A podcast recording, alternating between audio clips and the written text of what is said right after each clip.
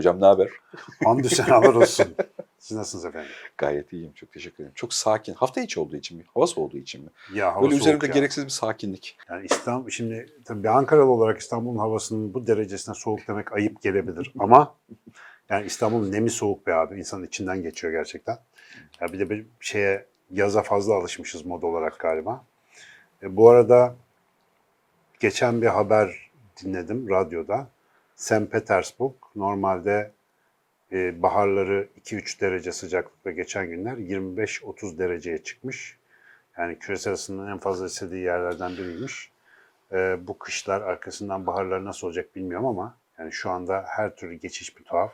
Ne zaman soğuk havaya çıksam bunu düşünüyorum. İstanbul daha sıcak olsun diye dua mı ediyoruz acaba? Böyle kötü bir şey. Bak spesifik bir şeyden bahsedeceğim. Ee, bir şeydi. Ben mevsim geçişlerini ya da zaman e, iklimsel anlamda böyle e, birkaç derecenin üzerindeki oynamaları hep fiziken hissettiğimi zannederim.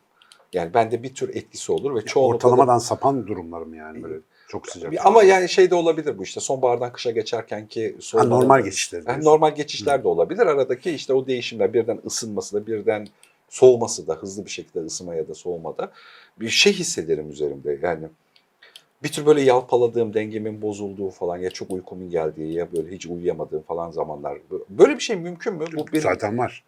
İşte bunun aşırı haline mevsimsel afektif bozukluk diyorlar. İşte bu sonbahar depresyonu falan var ya birçok insanda olan. Hava koşulları değiştiğinde, ışık azaldığında melatonin, serotonin döngüsüne bağlı bir dalgalanma oluyor. Mesela serotoninde bir düşüş oluyor.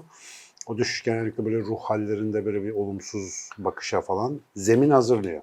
Ama çoğu insan hayatındaki diğer zihinsel ödüllendirmelerle beraber oradan geçiyor.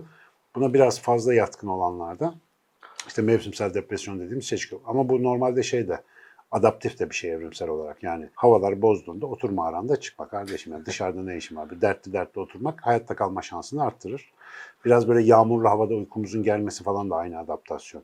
Yani dışarıda risk yüksekken takılma, evinde uyu gibi yapılmış bir sistem bu aslında. Ama tabii yani modern zamanda strese sokucu bir sürü şey de olduğu için bu da bilince mesela mevsimsel depresyon roket gibi artıyor. Bir sürü insan o mevsimlerde daha çok intihar ediliyor mesela. Yani intihar eğilimi de artıyor. Biraz işte bizim biyokimyanın laçka olmasından kaynaklanan böyle de açıklama yapalım bilmem ama çok laçka ya biliyor musunuz durum. Laçkaizm. ben tabii depresyon kelimesine gereksiz duyarlı olduğum için hani mevzuda. Yok yok depresyon değil falan. Hani şey- Vallahi depresyon emin ol. Yani tam klinik olarak ağır depresyon zaten böyle zamanlar. Bu arada mesela depresyon döngüler halinde geliyor, nöbetler halinde geliyormuş. Yani çok şükür ben öylesini yaşamadım ama her depresif nöbet bir sonrakinin gelişini kolaylaştırıyor. Yani çünkü beyinde bir altyapı hazırlıyor. İşte devreler ona Alışkanlık göre alışkanlık oluşuyor. Daha sonraki daha ağır geçebiliyor mesela. O yüzden araya girmek lazım yani bir şekilde. Bu arada yeri gelmişken bak Nilüfer sana da hatırlatayım. Şu alışkanlık devşirme, alışkanlık değiştirme hikayesini başlı başına bir konuşmamız lazım. Evet. Benim Ee, de ihtiyacım var. Yani şu son dönemdeki tüm yeni dünya diye tarif ettiğimiz değişimlerin atar damarı, ana koşulu, ana egzersizi buymuş gibi görünüyor yani. Bütün sistem bunun üzerine. Yani Evet. yeni alışkanlıklar, eski Edinebilme. alışkanlıkların sömürülmesi, Evet. e, kötü alışkanlıklar geliştirilmesi gibi ana konular bunlar olacak. Çünkü galiba hani dışarıdaki sistem, hadi onu düşmanlaştıralım. Ee, dışarıda ola gelmiş beş aile e, bir şeyde. Bizim şu alışkanlık devşirme hikayemizin matematiğini çözmüş durumda. Hızlı bir şekilde tuzaklar oluşabiliyor. Oradan kaçmayı bilecek ve yeni alışkanlıklar devşirecek, geliştirecek bir bünyeye sahip olma. Galiba en temeli yani üniversite birinci sınıf staj dönemini bununla geçirilmesini tavsiye edebilirim yani o kadar belirleyici. Hatta bütün ortaokulu buna ayırsınlar ben söyleyeyim yani. Tam o yaşlar olgunlaştığı için Evet. bu tip devreler. Çünkü mesela sadece günde 4 defa 45 dakika civarında ritmik masada çalışabilme alışkanlığı devşirme ömür boyunca ne öğrenmek istiyorsa her şeyi öğrenebileceğin bir altyapı belirliyor sana. Ama bunu geliştiremediysen benim eksiklerimden bir evet. tanesidir. Çocuğuna kanaati öğreten ona en büyük mirası bırakmış olur diye bir söz var. Oo Yani tabii havalıymış. tutumlu olmayı öğretebilirsen en büyük servet o çocuğun yani her koşulda yaşar neticede. Bazı kelimelerin, cümlelerin aslında ne kadar tabii yaşlanıyoruz cümlesini, yaş alıyoruz cümlesini söylemek hoşuma gitmiyor ama bazı şeylerin işte bazı romanların, bazı kitapların 5-10 yılda bir başka bir değeri var ya mesela bu söz de öyle. Şu sınıf atlama çabasının insana ne tür bir deformasyona neden olduğunu anlayınca, hissedince bu, bu cümle o kadar önemli bir hale geliyor ki gerçekten. Kendi kendine yetmeyi bilmenin gücü Dünyada yani hani başka hiçbir şeyde olmayan güçlerden bir tanesi. Yeni sistemin zaten şeyini seni hep elinde olmayanla kışkırtması. Bak heyecanlandım şimdi. Tamam. Yani devamlı daha fazla daha fazla demesi. Halbuki ona karşı en büyük silahlardan biri kanaat. Aslında işte o yeni dünyanın cesur insanında durma dediğimiz şey var ya. evet, evet. Ya almayacağım abi. evet, evet. İhtiyacım yok. Yani o da satın almadan önce bir hani mindfulness denen o bilinçli farkındalığı, farkındalığını bilinçli olarak o soruya odaklamanı gerektiriyor. Gerçekten ihtiyacım var mı? Yani mesela ben bu egzersizi yeni yeni tekrar yapmaya başladım. Eskiden parasızken yapıyordum. Hani böyle öğrenci dönemi parasızken dedim tam parasız yani gerçek parasız. Ya bir sürü şey istiyorsun, üç kuruş para biriktiriyorsun, bir şey alacağım hmm, falan bu mecburi. Ama şimdi mesela belli bir gelirin var, bir şeyleri alabilir durumdasın ve sana göre nispeten ucuz. Belki bir öğrenci için pahalı ama sen alabiliyorsun. Ama bu soru işinde egzersiz etmek önemli. Yani bankadaki paranı zırt diye hem de bir tuşla transfer edip onu kargo ile adresine getirtirebilecekken yapmamayı tercih etmek kolay bir şey değil. Ve bu şimdi ben mesela küçük şeylerde bunu yapıyorum. Yani yarın bir gün olursa işte bir milyonluk, milyarlık bir şeylerle ilgili karar alırken o iradeyi kullanabilmem bugün bunda burada çalıştırıp çalıştırmadığınla alakalı. İşte o küçükken öğrenilen şeyler bunlar. Kanaat etme, gerçekten ihtiyacım var mı falan gibi. Mesela ben de Kadim şöyle, abi kadim işte kadim diye boşuna demeyin. ben de mesela şöyle bağladım mevzuyu. Ee, alışkanlık devşirip üretimine destek olabilecek her şeyle ilgili arsızca talepte bulunmada bir mahsur yok. Aynen. Ama yani e, alışkanlık devşiremeyeceksen ya da üretiminin içerisinde değilse, ürettiğin, dönüştürdüğün şeyin hikayesinin içerisinde değilse her şey sonra alınabilir. Yani her şey ya Hatta istedik- aslında alınmasa da olur. olur. Yani Aynen. işte yani hani bu onun bir önemi yok. Bunun içerisinde evler, arabalar falan da dahil olmak üzere yani. Tabii. Hepsi güven duygusuna dahi karşılık gelmiyor aslında. Aksine bir güvensizlik oluşturuyor. e, bir şey. Yani düşün araba aldın, iyi de bir araba aldın, evin önüne park ettin. Cızdılar mı, araba Tabii. mı çarptı, bir şey mi Tabii, oldu? Tabii, tabii, Hırsız tabii. mı girecek, götürecek mi? Araban yokken bu dertlerin hiçbiri yok mesela. Ben şu anda öyleyim, mis gibi. mesela şimdi Evet. motorum var. Mesela pahalı bir motor alınca o dertler benim de olacak. Şimdiki Tabii. motorum gayet uygun fiyatlı bir motor. Evet. Dolayısıyla götürürlerse bir tane daha alırız ama götürmezlerse iyi olur. Değil mi? bir de bu, o kadar yani gevşek. Ara sıra bunun sohbetini çeşitli konular içerisinde yapıyoruz. Bugün biraz ağ toplumundan e, sorular devşirmek, üzerine de sohbet etmek istiyorum gerçekten. E, bir zamandır üzerine düşündüğüm bir şey, senin ne düşündüğünü, içerisine neler ekleyeceğini heyecanla merak ediyorum. Şu 1980'ler, 90'lar konvansiyonel yaşam yani Dunbar sayısına göre yaşadığımız dönem. Yani hayatımızı etkileyen 100-150 kişiyle hayatımızı idame ettirdiğimiz dönemden Kasaba hayatı. Aslında kasaba hayatı yani büyük kentlerde de yaşasak, çok büyük bir kalabalığın içinde de yaşasak temel network'ümüzü 100-150 kişiden edindiğimiz şeyler. O da çoğunlukla lokasyona bağlı. Ya kan bağına ya lokasyona bağlı kurduğumuz ilişkiler o 100-150 kişilik ilişkilerde. Yani okul arkadaşlarımız, e, aşağıdaki bakkal, yan komşumuzun hayatımıza çok etkin olduğu dönem. Bu dönemden adımla yani bir toplumsal değişim için çok hızlı kabul edilebilecek bir sürenin içerisinde teknolojiden kaynaklı ağ toplumu denilen bir toplum formülüne gittik.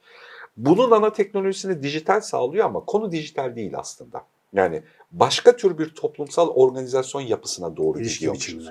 Yani son 3 yıldır, 4 yıldır bakıyorum masada danışmanlık verdiğim ya da iş yaptığım süreçlerin neredeyse %90'ı hiç şeysiz. Bu konvansiyonel dönemden A toplumu dönemine geçerkenki geçişteki değişen e, paradigmaları çalışıyoruz aslında biz. Yani paraya verdiğimiz değerin biçimi, işte sadakat vesaire gibi kelimelere verdiğimiz değerin biçimi iş hayatımızın biçimini belirliyor. Ve iş hayatımızdaki o kuralları yeniden tanımlayarak, yeniden biçimlendirerek var olmaya çalışıyoruz. Bu kendi içinde çok değişiyor ama bunun bir sonucu varmış ya da bu bir yapıymışı ben de son bir yıldır fark ediyorum daha bir kere. Yani A toplumu denilen şey zaten evet teknolojilerle beraber performansları artıyor, katmanları değişiyor ama yapısal olarak belli bir yapısı ya da formülü var. O da şu ki işte dünyadaki çoklu sayıda insanla etiketlerimiz üzerinden e, ana problem kategorizasyon sistemi burada. Etiketlerimiz üzerinden ilişki kurabiliyoruz. Şimdilik geçici olarak merkezler üzerinden kuruyoruz. Yani Twitter, Facebook, işte website'lar ve vesaireler üzerinden kurabiliyoruz. Bir sonraki dönemde bazıları buna Web3 diyor, bazı Metaverse'ün içerisinde olduğunu söylüyor. Bir sonraki dönemde merkeze de ihtiyaç duymadan blockchain sistemleriyle birbirimizle çeşitli ilişki, merkezsizleşerek ilişki kurabileceğimiz bir döneme doğru gidiyormuşuz gibi görünüyor. Burada bayağı belirgin büyük kalıplar, kavramlar, duygular değişti. Bunu sen sıklıkla söylüyorsun. Mesela en temel gerçekten e, büyük Fil ayaklarından bir tanesi bu. O bir tanesi yokluk dönemiydi, şimdi çokluk dönemi. Şimdi bu bunun hep anlaşılamadığını düşünüyorum konuşurken. Yani böyle felsefi anlamda konuşuyoruz da aslında bizim fiziki hayatımızı belirliyor. Yani bir markete girdiğimiz andan itibaren sorunumuz bulmak değil, seçmek. Yani bunlar 1980'li yılları yaşayan herkes şeyi hatırlar. Var mı yok mu bilemezsin yani. Annen küçük bir düğme ister. Züccaciyede, tuhafiyecide var mı yok mu? Züccaciyeci değil, tuhafiyecide. Var mı yok mu bilemezsin yani. Hani öyle gidersin. Şimdi var olduğunu kesinlikle biliyorsun. Ne ararsan var ama hangisinin senin için doğru ve düzgün olduğunu seçmek acayip bir eylem ya da süreç.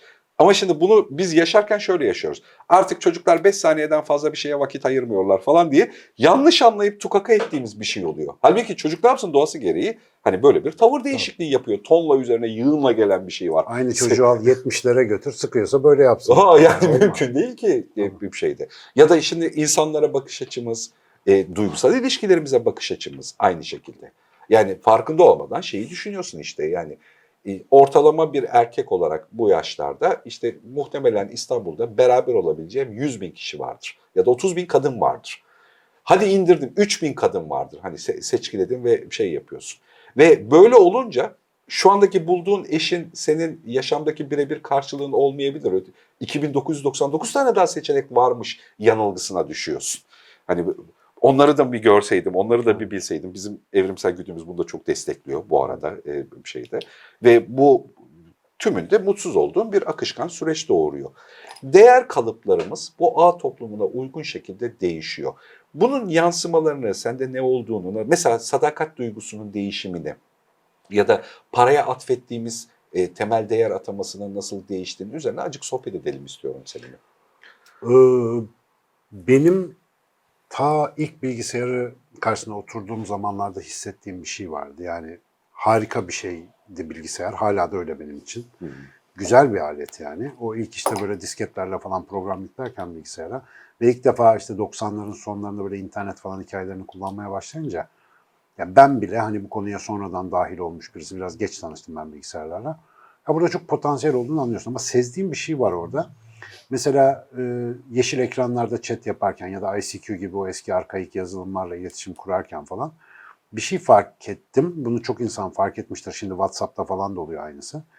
Yazışarak bazı sorunları çözmeye çalıştığında problem büyüyor. Halbuki oturup masa başında, kafede, orada burada konuşsan halledebileceğin bir şeyleri araya bir bilgisayar arayüzü girdiğinde biraz daha sıkıntılı yaşama ihtimalin artıyor. Ta erken dönemlerde ben böyle bir şey sezdim. Yani burada bir eksik var.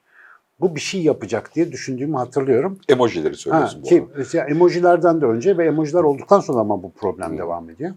Şimdi bilgisayar ve internet bağlantısının bize sağladığı şu çokluklar dünyasındaki esas kolaylık her şeye her an erişebilme kısmı ama az önce dumbar sayısını zikrettin ya şimdi beynin ayarlanmış olduğu bir kapasite var. Burada bir sosyal ilişki kurabileceğin ağın büyüklüğünü belirliyor. İşte şempanzeler, insanlar yaklaşık aynı. Şempanzeler 100-120, insanlar 120-150 civarında insanı gerçekten e, ilişkiye geçecek kadar tanıyabiliyorlar. Onların hallerini, hareketlerini bilebiliyorlar. Ama şimdi mesela 5000 arkadaşın var Facebook'ta bilmem işte Instagram'da bilmem kaç bin takipçin var. Ve bunların hepsiyle bir şekilde bir ilişkiye geçiyorsun.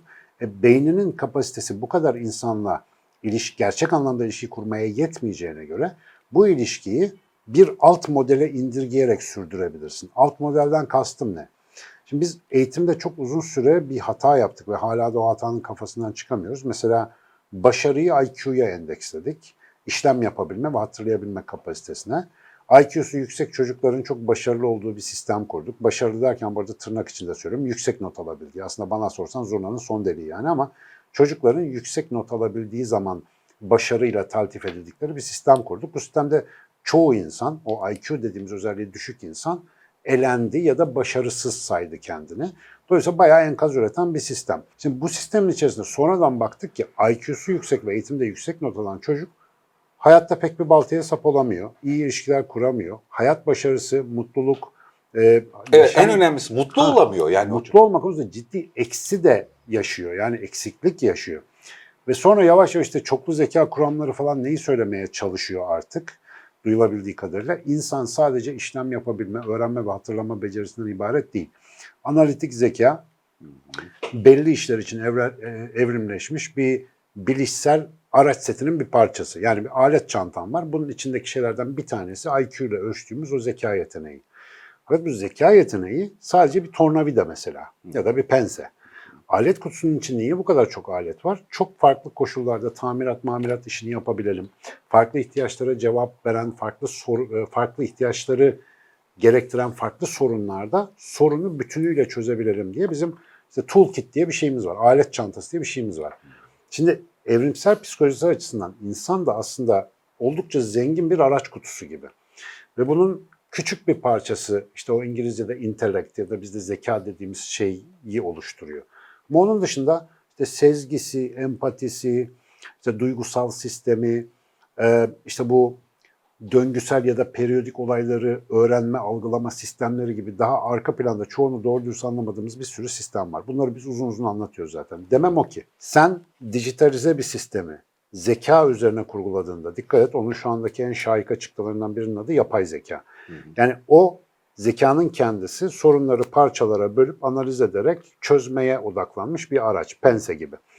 Şimdi sadece bunun üzerine kurduğunda bütün iletişimi zekaya indirgiyorsun. Bütün iletişimi sözel ve sayısal olarak aktarılabilen, bilgisayarlarda dijital olarak işlenebilen veriye aktarıyorsun. Bu kaçınılmaz olarak seçtiğimiz yol ve yöntem zemin itibariyle bizim o 5-10 kişiyle normal hayatımızda kurduğumuz gerçek ilişkilerde kullandığımız belki de sayısız ama bugün listesini yapsak onlarca diyebileceğimiz ekstra iletişim yöntemlerimizi dışarıda bırakıyor. Mesela ben seninle karşılıklı oturduğumda konuştuğumda, biz mesela seninle telefonda da konuşuyoruz ama ne diyoruz birbirimize? Abi bunu bir yüz yüze konuşalım. Yüz yüze konuşunca ne oluyor? Karşı karşıya oturuyoruz. Jest, mimikler mesela benim anlattığım bir yerde senin bir gözünün dönmesi, bir kaşının kalkması bilmem ne olması. Ya da ben konuşurken benim sesimin tonundaki ufak ufak oynamalardan senin çıkarttığın, senin bile bilişsel olarak ya da bilinçli olarak fark edemediğin anlamlar, onların sende yarattığı duyguların bana yansımaları odur budur gibi son derece kompleks bir etkileşim biçimi var ve bu etkileşim biçimi de ben seni kişisel olarak tanıdıkça derinleşiyor. Yani ben senin örüntülerini öğrendikçe, sen benim örüntülerimi anladıkça bu iletişim daha verimli hale geliyor ve hakikaten çok sevimli, ol, samimi olduğun arkadaşlarınla, dostlarınla çoğu zaman konuşmadan anlaşabiliyorsun. Sen bunu bir WhatsApp ekranından yapamıyorsun. Konuşmadan anlaşabilmeyi yapamıyorsun. Size yardımcı olmak için o gülücükleri falan icat ettik ama şimdi bütün bu olay nereye gidiyor? Yani benim ağ toplumunda deyince neden önce bu aklıma geliyor? Biz hep teknolojik bir tercih yapıyoruz ve bunun sonuçlarını yaşıyoruz ya. İzlek bağımlılığı deniyormuş buna sosyal bilimlerde. Bir şeyi tercih ettik öyle gidiyoruz abi. Sen hep dersin ya arabalar niye hep dört tekerlekli, niye hep dizaynı aynı, niye değişmiyor? Çünkü Henry Ford bir tercih yaptı abi. Böyle kurdu. Biz onun üzerine gidiyoruz. Çok başka bir şey yapmamız mümkündü belki ama başlangıçta yapılan tercih bugünü belirliyor. Ağları kurarken de bu iletişim ağlarını biz bir tercih yaptık. Computational yani bilgi sayımsal bir alt plan üzerine olabildiğince çokluğa erişebilecek, çok insana, çok kaynağa, çok bilgiye erişebilecek bir sistem arzu etmişiz. Öyle bir şey kurmuşuz. Fakat bu sistem bizi sadece penseyle sorun çözebilir bir hale getiriyor maalesef. Sadece dijitalleştirebileceğimiz, sadece sayısala dökebileceğimiz, sadece bilgisayarlar arasında transfer edebileceğimiz veriyle sınırlı bir anlam dünyasına bizi mahkum ediyor. Şimdi böyle olunca ilişkiler başlıyor yalın kat olmaya. İşte eskiden bir yastıkta kocayın diye başlayan evlilikler Facebook'ta bitebiliyor. Ya da işte efendim dostluklar, ortaklıklar bir mesajla berhava olabiliyor. Niye? Sadece penseyle bu kadar oluyor. Yani sadece bu şimdi tabii koca dijital sistemi bu devasa bilgi ağını bir pense olarak hayal ettirmem zor insanlara ama inan öyle. Şimdi buna İnan ki öyle. kesinlikle hiç kılçıksız katılıyorum. Yani bağladığın yeri de çok iyi buluyorum bu arada. Yani bir, bir şey tanımlama açısından. Fakat e, fakat da değil. Üzerine ekleyerek bir şey söylemek istiyorum. Bir savunma geliştiğini fark ediyorum. Tabii ki. Aslında bu paradigma değişiklikleri derken e, söylemek istediğim şey de bu. Yeni gelen kuşak artık 20'li 25 yaşındaki insanların doğal refleks olarak tam bu söylediğin şeylerin karşılığında bir doğalında farkında olmadan refleks veriyor. Mesela İnsanın fabrika ayarları bir yol bulacak. bulacak ya evet Aynen evet yani ve bunu heyecanla karşılıyorum aslında. Mesela doğal verdiği reflekslerden bir tanesi. Şirket ilişkilerinde çalışan şirket ilişkisi arasındaki temel bağ artık ekonomik ve sadakate bağlı değil. Gayet ölçülmüş en az 10 tane araştırma biliyorum işin üzerinde. Birey çalıştığı şirkette topluma faydayı zaruri olarak istiyor. Ve bunun getirdiği saygınlığı paylaşmak istiyor. Şimdi bu olmadığı sürece, şimdi bu bir savunma. yani eskisi gibi karlı ya da bilmem ne para kazanma, işte daha çok pay verilme ya da bilmem ne ikincil hatta çoğunlukla üçüncül sırada. Evet. Birincil sırada şeyi istiyor yani bu şirket ya da bu çalışılan proje ya da üretilen işin kendisi topluma fayda sağlıyor mu? Ben bu fayda sağlanan faydadan saygınlık alıyor muyum? Saygınlık, anlam. Evet evet tabii ki. Bak işte, işte araç kutusundaki bir başka şeydi. Mesela bu Mesela- devasa bir Tabii. paradigma değişikliği. Bu bizim kuşak abi sadakat gösterilsin bana ya da ben birine sadakat göstereyim. Beni güvende tut, ben de seni güvende tutayım duygusunun içerisinde. Bu arada konuştuğum patronların yüzde sekseni en çok burada ağlıyor. Tabii. Ben bu adama ne istiyorsa verdim, bilmem ne yaptım falan işte. Bu adam niye Ama- bana böyle davranıyor diye ağlıyor. Aslında bu, bunun bir muadilini yaşamışız muhtemelen. Bak bu avcı toplayıcıdan işte yerleşik hayata geçme standart Marksist teori var ya. Hı hı. Mesela Orada yani bu karikatür haliyle alırsan insanlar hayatta kalmak için uğraşırken dünyanın anlamı nedir, felsefe yapayım falan derdi yok. Ama şehirlere oturup da bol gıda, bol vakit olmaya başlayınca Hı. adamlar oturup düşünmeye başlıyorlar. Yani ne yapsak ne işte sanat, yaratıcılık, hırsız orada ortaya çıkıyor. Mesela orada aslında bir nevi bir çokluklar devrine geçişin ilk simülasyonu. Evet, evet, evet. Şimdi bu çokluklar devrindeki artı değeri birçok topluluk kendi felaketini hazırlamak için başarıyla kullanmış. İşte bir sürü eski medeniyetin çöküş hikayelerinin hepsinde işte o Kur'an'da da anlatılan eski kavimlerin başına gelen hikayelerde hep dikkat et bir ana tema azgınlık. Coşmuşlar bunlar ve bir şeyler orman kesmişler, işte sapkın hareketler falan filan. Göçmüşler netice itibariyle. Şimdi bunlar çokluk dönemiyle baş edemeyen insanların hazin manzaraları aslında. Ve gittikçe biz şimdi çokluk döneminin zirvesine çıkan tipler olarak bu kadim hikayelerden öğreneceğimiz çok şey var.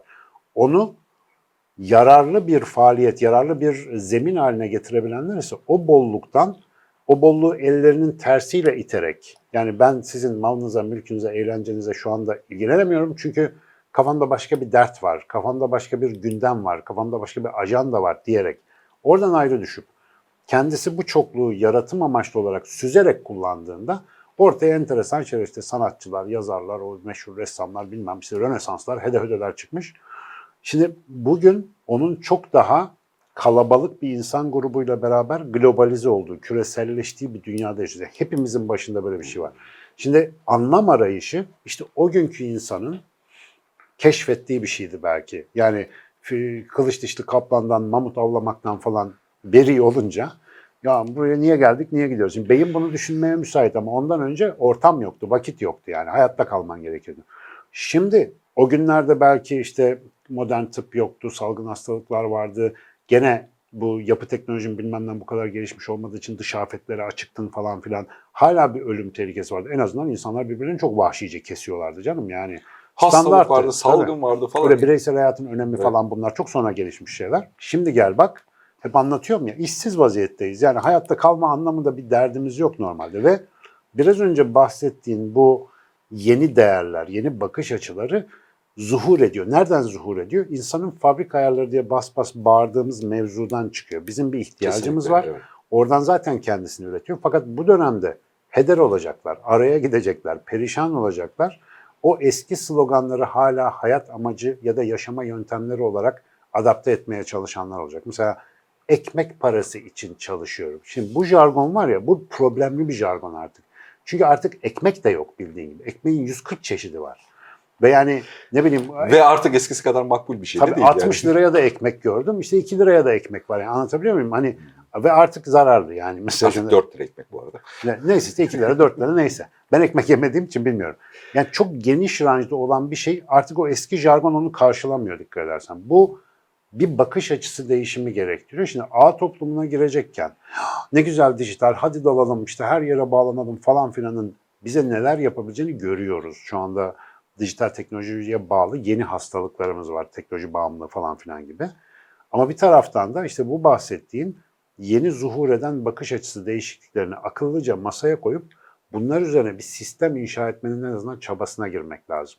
Mesela o dedin ya şirket patronları en çok bu konuda ağlıyorlar diye.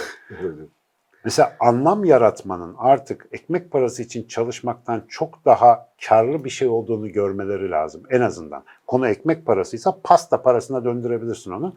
Güzel bir anlam yarat, katkı ver, e, saygınlık üret, e, koruma sağla insanlara bu sosyal tantana içerisinde de ki biz tutarlı ve faydalı bir şey yapıyoruz gel beraber yapalım de. Onlara güzel bir şemsiye sun mesela. Mesela bunu yapabilmesi için de Aidiyet insanın- duygusu mesela Tabii. yani en temel ya bu, sorunlardan bir ben hayatta kalmaya çalışıyorum kafasından çıkması lazım. Asgari ücretle kıt kanaat geçinen adamın böyle bir jargon kullanmasını anlarım. Zaten hakkıdır da yapmalıdır da ama yani bugün benim temasa geçtiğim insanlar özel üniversiteye tonla para bayılıp o diplomayı alıyorlar. Ondan sonra ekmek parası için bir yerde lan nasıl ekmek bu? Yani senede bilmem kaç on bin lirayı ödedin oraya. E, ekmek alaydın o zaman, stoklayaydın, buzluk var, saklardık orada. Konunun o olmadığını artık anlamamız gerekiyor. Yani konu para, maddi anlamda kaynak bulma falan filan değil. Onlar artık her yerde var. Önemli olan o kaynakların sana akmasını sağlayabilecek olan niyet, gayret, fikir. Yani bunları sağladıktan sonra, o amacı koyduktan sonra olacak. Şimdi bu yeni dijital sistemin e, o gün işte Yeni Dünya'nın Cesur İnsanı'nda da ufak geçtim ama orayı biraz açma niyetim var daha sonra. Herkesi birbirine bağlayan bir sistemin manipülasyona e, alet olması kaçınılmaz. Yani bizim manipüle edecek bu sistem ama müspet manipülasyon ve menfi manipülasyon diye bir şey var. İnsanları iyiye de kanalize edebilirsin. Şu anda bir tantana başlatırsın, bütün dünyayı bir onarım için ayaklandırabilirsin. Ama bir başka tantana başlatırsın ki şu anda bunun için çok kullanıyoruz bunu. Büyük bir infial, yıkım ve öfke yaratabilirsin. Ya mesela çalışmalarda şunu fark ediyorum. Ee, kişisel gelişim diye tarifi başlığı konulan hikayenin yavaş yavaş bilişsel gelişim diye başka bir evreye döndüğünü fark ediyorum. Çok iyi. So- Bunu altyazı olarak. Yani kişisel gelişim havuzunda sorulan soruların, o kendini bilme çabalarının, toplumsal anlamda görüntünün içerisindeki değerini, nedenini, anlamının üzerine yeniden sorgular oluşturma, bilişsel ge- gelişim diye bir başka evre, bir başka açık beyinde aslında bu zemine çalışıyoruz.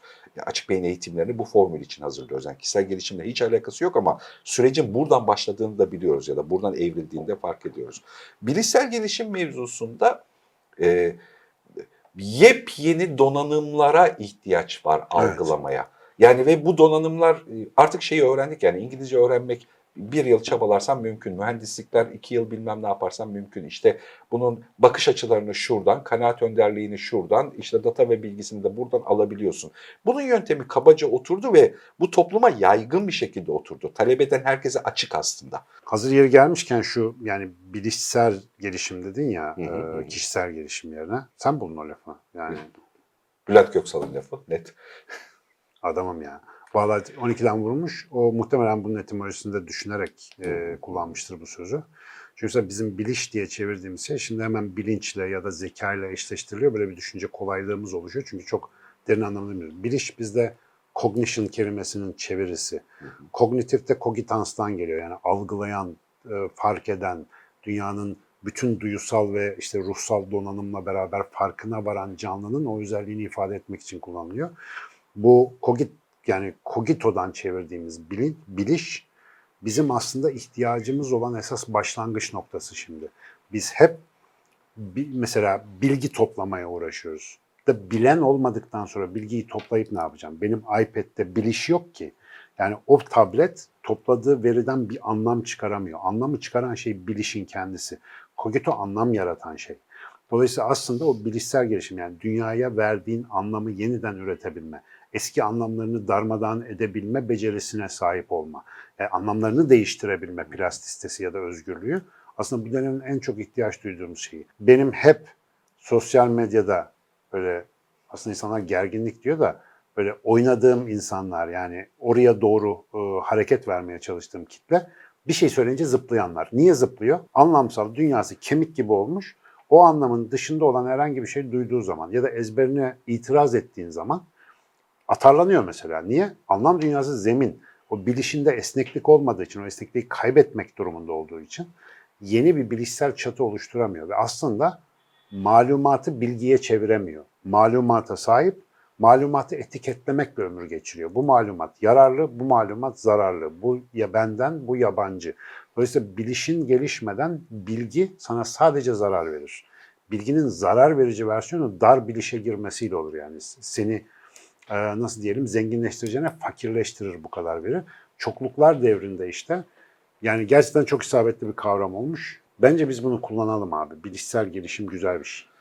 Yani genelde açık beyindeki oluşturduğumuz eğitim formatının tümüyle alakalı Zaten bir bu. tanım olarak yani Evet. hemen hemen bir 3-5 aydır arka planda e, üzerine beraber düşündüğümüz ya da çalıştığımız şeylerden bir tanesi. Bu bilişsel gelişim diye tarif ettiğimiz tarafa doğru geçtiğimizde bu yani bu- değişimleri anlama, bunlar alışkanlık değiştirmeyi getiriyor. Bir bir de tabii çok büyük bir problem tipi daha var arka tarafta.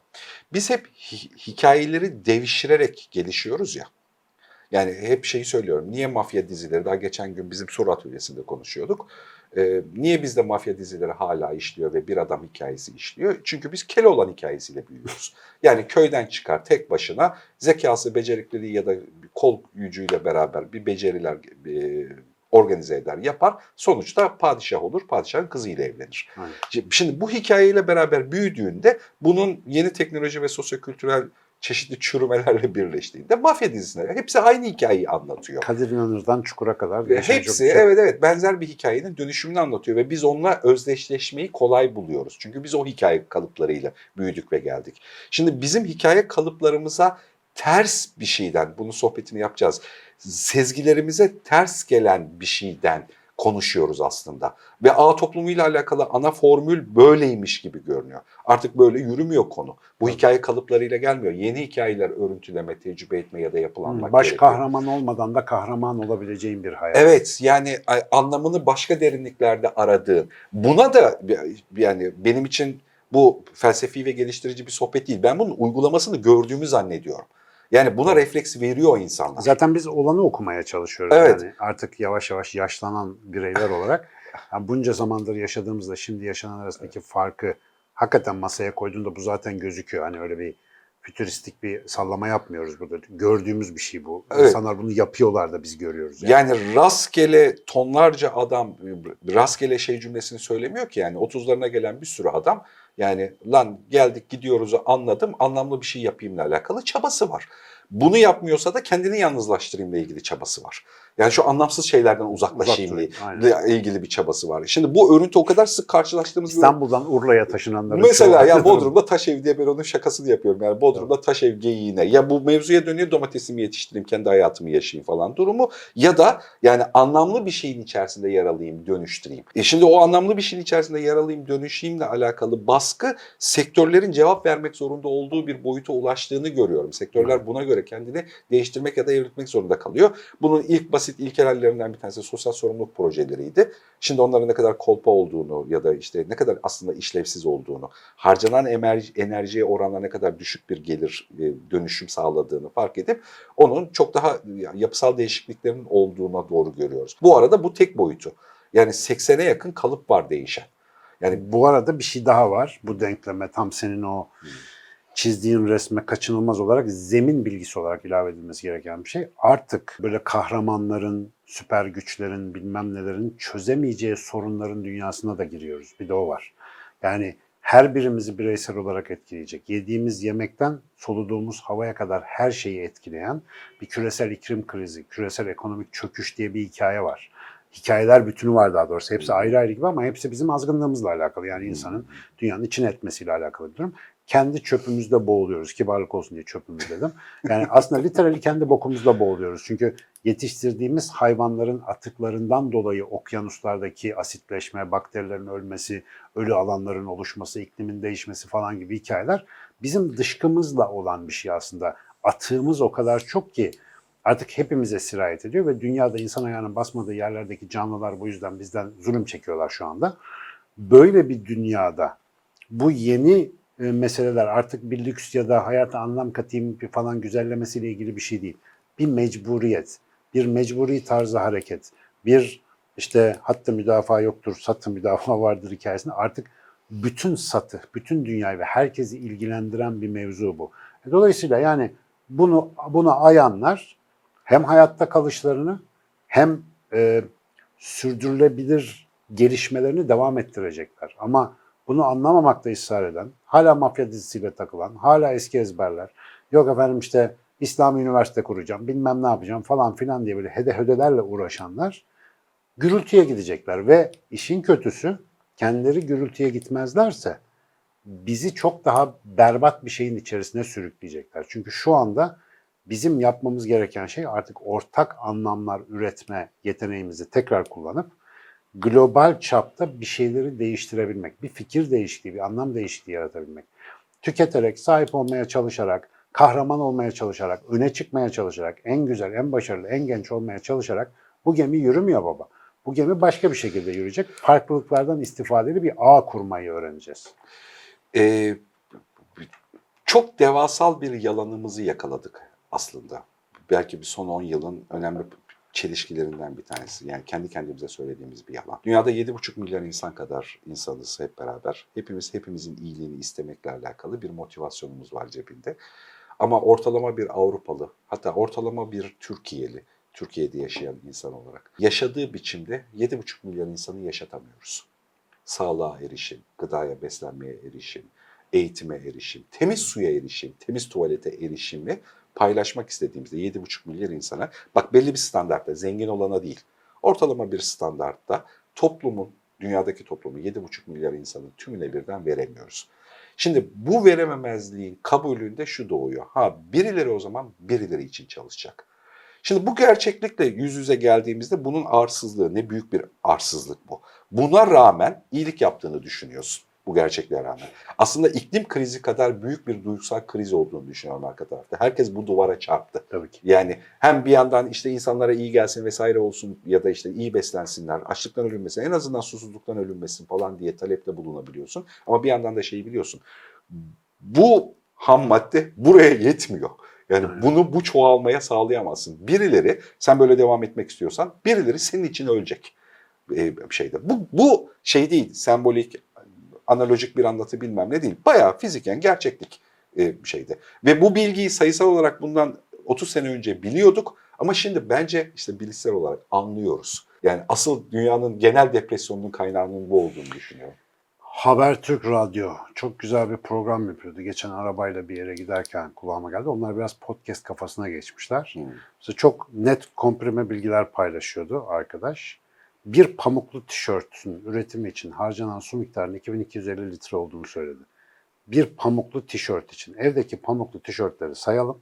Sonra da efendim tuvaletteki sifona pet şişe koyarak tüketimi azaltmayla uğraşıyorsak eğer tüketimi azaltmanın çok daha farklı yolları olduğunu, dolaylı olarak yarattığımız su kirliliği ya da su ayak izi dediğimiz şeyin ne kadar büyük olduğunu böyle bir ağ bize öğretebilir. Böyle bir ağda gerçek kahramanlar bu bilgiyi yayıp ya sen işte lavabona fış fış takıyorsun az su gitsin diye ama yani dolabındaki giysi maddeleri aslında işte bu giyecek nesneler e, koca bir göl kadar suyu heba ediyor aslında bunu fark etmiyorsun. Fark ettiğimiz anda bu ağlar, bu bilgi, bu bilmem ne bir işe yarayacak. Ama esas işe yarama kıstası şu. Artık tişört almıyorum. Ya yeter abi. Tişörtüm 30 tane tişörtüm var. Yeter bana. Dediğin anda bu gerçekten bir aksiyona sebep oluyor ve dönüşebiliyor. Şimdi sorun mesela bilgi goy goyu. Ya de- şu anda sokağa çık, mikrofon al eline insanlara sor. Dünyada içilecek su azalıyor. Sizce ne yapmak lazım? Ne diyecek? Araba yıkamayalım, bahçeyi sulamayalım, duş ağzı açalım. Ya abi bunlar devede kulağın kılı. Yani bizim mesela banyo yaparken harcadığımız su hayvancılıkta ya da konfeksiyonda harcadığımız suyun yüz binde biri falan. Yani istersen hiç yıkanma, pislikten kurtlan gene de su tasarrufu yapamıyorsun. Çünkü bizim kişisel bakımımız için harcadığımız su su değil. Ama esas konu o devasa sanayi üretimlerinde harcadığımız su. Ve bu niye devasa sanayilerimiz var? Lütfen herkes evindeki giyecekleri saysın. Yaş kaç olursa olsun. Giyebileceğinizin en az 3 katı giyeceğiniz yoksa ben de adam değilim. Var, hepimizin dolabında var. Fazla var. Ve bu fazlalık bizim işte bir önceki çağın yokluklar çağından yok, e, çokluklar çağına yeni geçen doymamış açgözlü homo sapiens'in standart davranışı.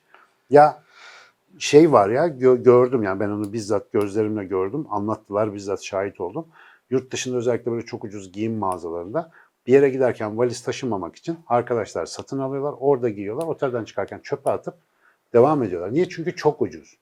Yapmayın. Yani bu çok sevdiğim bir arkadaşım bunu bana anlattı. Kanım dondu anlattığında.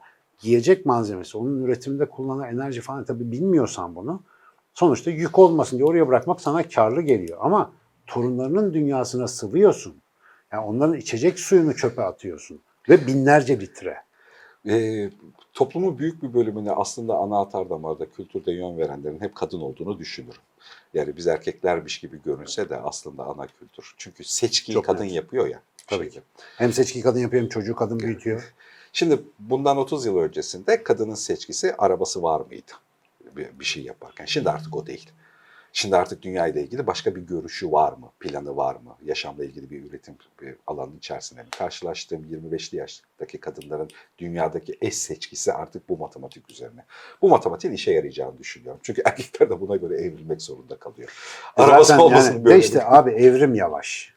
Evet yani, yani. bizim yıkımımız hızlı, evrim yavaş. O yüzden mesela evrim öğrenmek burada da faydalı. Yani en azından evrimsel prensipleri anlayıp da hayatımızda onu biraz zorlarsak, force edersek, taklit edersek doğayı belki biraz o sürecin de bize katkısını hızlandırabiliriz. Yani işte burada da yine bu bilişsel gelişim hikayesi var. Eski ezberleri bir bırakacaksın yani. Arabası var da ne olmuş yani? Onun arabası var ama ruhu yok işte. Yani, Yani çok öyle. gerek ekonomik gerek pragmatik olarak İstanbul'da arabası olmadı dezavantaj grubudur yani. Hani benim- Yani açık söyleyeyim gerçekten Ha, Hani çok özel bir mecburiyet yoksa İstanbul'da araba kullanmak gerçekten zeka düşüklüğünün işareti. Yani hakikaten literal anlamda bir zeka problemini gösteriyor bana.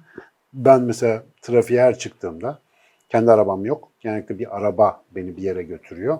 Ya da motosikletimle giderken gerçekten ağır bir zeka sorunu gözüküyor orada. Çünkü bu insanların sadece çok küçük bir kısmı gerekli bir iş için o cihazlarda ve o arabanın içinde bir kişi var. Bu bu gerçekten salaklık. Mesela ağ toplumunun baktığında. çok pozitif faydalarından bir tanesi buymuş gibi görünüyor. Burada da öğrenilmesi gereken bir şey var.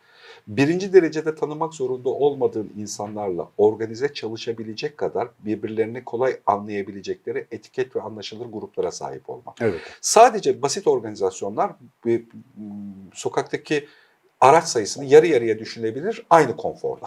Senin bir tespitin vardı. Çok hoşuma gitti o. Etiketleme sistemi büyük gruplarla ilişkiye geçerken çok faydalı. Ya mesela Instagram'da bir ürün satıyorsan o ürünü etiketlemen ilgili insanların onu görmesi çok iyi. Ama etiketleme 150 kişilik Dumbar grubunda çok boktan bir şey. Evet. Seni diğerini anlayamaz hale getiriyor. Yani gerçek hayatındaki insanları etiketlediğin anda sistem dağılıyor. Dijitalleştirme global sistem için iyi bazı açılardan. Ama birebir ilişkilerde yarenlik edeceksen, beraber bir yere gideceksen, evleneceksen, dost olacaksan etiketleme çok aptalca bir şey. Mesela bunu da özellikle bu hani ağ toplumunu konuşurken etiketli bir tarafa doğru gidiyoruz. Yeni dünyanın cesur insanının en büyük dertlerinden bir tanesi de o zaten. O etiketleme sistemini her şey yerinde güzel mantığıyla kullanmak lazım. Yani evet bir ürün yapıyorsan fiyat etiketi koyacaksın ona ama paha biçilmez dostluğa fiyat etiketi koyma. O başka bir şey. Büyük havuz için etikete sahip olmak anlamlı bir şey. Başkalarının da etikete sahip olması anlamlı bir şey bir şeyde. Ben hani aradan şöyle de düşünüyorum. Kendini tanımak için de etiketlerle Aynen bakmak faydalı bir şey. Evet. Hani ne olduğunu kendini tanıma, kendi içsel dünyanda. Ama bir başkasına, yakını çevrendeki, eşine, dostuna, beraber bir şey ürettiğin insana etiket yapıştırdığında ana potansiyellerini kaçırdığını Çünkü onu daha yani tanıman gereken çok veçesi var. Her insan bir dünya. Bir de herkesin kesin başka ama. bir potansiyeli var ya aslında ve biz birbirimize yani açık beyinde en temeldeki yazdığımız anayasal maddelerden bir tanesi. Bence senin masada hep seni çok özel kılan e, içeriklerden bir tanesidir. Sen o etiket yaftalarının tümünü çıkarıp bakabiliyorsun insana. Benim oradan örneklendiğim bir şeydir e, bir hikayede. Masada potansiyeline odaklanmak kişinin etiketine değil. Kaç yaşında Evet. olduğu, ne kadar eğitim aldığı bilmem ne falan falan değil. Bundan neler olabilire odaklanma. Herkesin kendisini anlatırken geçmişten bahsetmesi ne kadar enteresan Evet. değil mi? Onu yaptım, bunu yaptım, bu derecem var, şu derecem var. Şimdi ne yapacağız? Orada hiçbir şey yok. Evet. Yani şöyle bir hayalim var, çok nadir duyduğumuz bir şey işte. Evet. O da hep e, bir takım etiketlere takılmakla alakalı. No etiket. Etiket. Güzel muhabbet oldu. Buradan çok şey çıkar ben sana söyleyeyim. Vallahi aynen. Daha konuşacak Bunun yol üzerine var. biraz düşünmem lazım.